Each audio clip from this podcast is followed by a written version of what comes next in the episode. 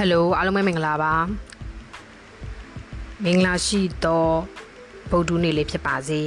ဒီနေ့မှာတော့ room 2ရဲ့ episode 4ကိုဆက်လက်ပြောပြပေးသွားမှာပဲဖြစ်ပါတယ် အဲ့ဒီတက္ကနာစစ်နားလည်လိုက်ပါတယ်ပျော်ရွှင်ခြင်းတော့အုပ်ထဲမှာကံကောင်းခြင်းအပင်မကြခင်ပေါက်မယ်ဆိုတဲ့မော်ဆရာပြောတဲ့အပြောကိုမြေဆောင်နက်ကဒီလိုပတ်ဝန်းကျင်မျိုးမှာကံကောင်းခြင်းအပင်လုံးဝမပေါက်နိုင်ဘူးလို့ညှင်းဆန်ချေပလိုက်ပါပြီ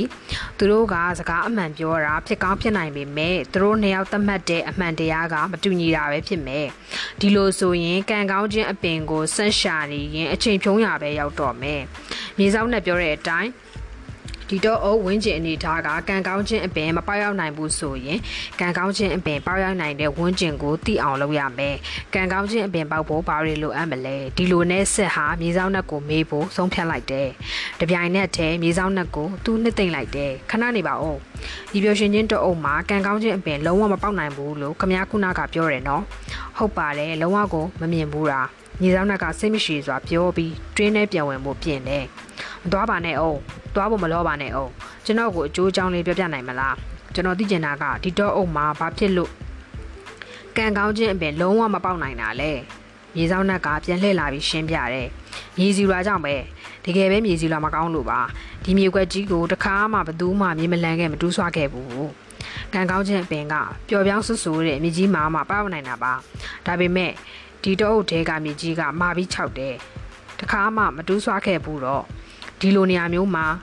ကံကောင်းခြင်းအပင်ဘယ်ပေါက်နိုင်ပါမလဲမြေဆောင်နဲ့လောကနဲ့သားခမညာခမညာပြောတဲ့အတိုင်းဆိုရင်တကယ်လို့ဒီတော့အုံမှာကံကောင်းခြင်းအပင်ပေါက်နိုင်တဲ့မျောလင့်ချက်အမြင်လေးကဒီမြေလွှာတွေကိုတူးဆွလန့်ပြရမယ်ဆိုတဲ့သဘောပေါ့နော်လို့ဝိယုံဖြူကမေးတယ်တိတ်ဟုတ်တာပေါ့နီးသိမရှိရင်ဘဲကအစ်စ်တွေရမှာလဲခမများမသိဘူးလားဒီမြေလွှာတွေကိုမပြောင်းပြရင်ဘလို့ပဲစူးစမ်းလဲကံကောင်းခြင်းပင်ကပေါက်လာမှာမဟုတ်ပါဘူး ဒီလိုဆိုရင်မြေစုလာကောင်းတဲ့နေရာဘယ်နားမှာရှိနိုင်မလဲခမညာသိပါသလားဒီချိန်မှာမြေဆောင်နက်ကတွင်းတစ်ဝက်ရောက်နေခဲ့ပြီးတစ်သားတကားပိတ်ဖို့လက်ဆက်နေခဲ့ပါပြီစစ်စီရဲ့ဒီလိုမေးတံကိုကြားလိုက်တာနဲ့မြေဆောင်နက်ကစစ်ရှိတိခံစွာနဲ့ပြန်ပြေးပါတယ်နွားရွာလို့ခေါ်တဲ့ရွာတရာရှိပါတယ်ဒီနေရာနဲ့တိတ်မဝေးဘူးအဲ့ဒီနေရာကမြေစီလွာတစ်ပြီးကောင်းတယ်နွားပေါက်လေးတွေရဲ့မစင်ကိုအဲ့ဒီနေရာမှာပဲစုပုံထားလို့ပဲအကောင်းဆုံးထိတ်တန်းမြေစီလွာပေါ့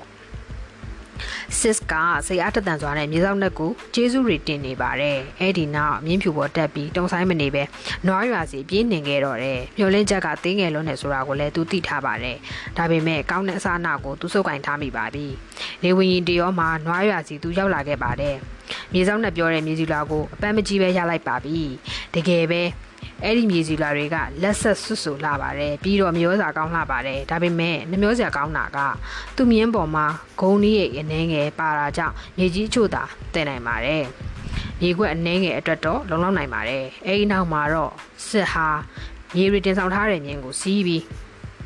တော့အုပ်ရဲ့တိတ်ဆိတ်ညင်တတ်တဲ့နေရာတနေရာစီကိုဒုံဆိုင်သွားပါတော့တယ်။တင့်တော်တယ်လို့သူထင်တဲ့မြေခွက်တစ်ခုကိုသူရွေးလိုက်ပါတယ်။ ခြုံရွယ်စုခတ်တွေကိုသူရှင်းပါတယ်။ပြီးတော့နှစ်ပေါင်းများစွာမတူးမဆွခဲ့ဘူးတဲ့မြေဟောင်းကိုမပြက်သူးဆွလန့်လောပါတယ်။နောက်ဆုံးမှာတော့ဒီမြေခွက်သေးလေးမှာမြေစီရအစ်စ်ခင်းနိုင်ခဲ့ပါတယ်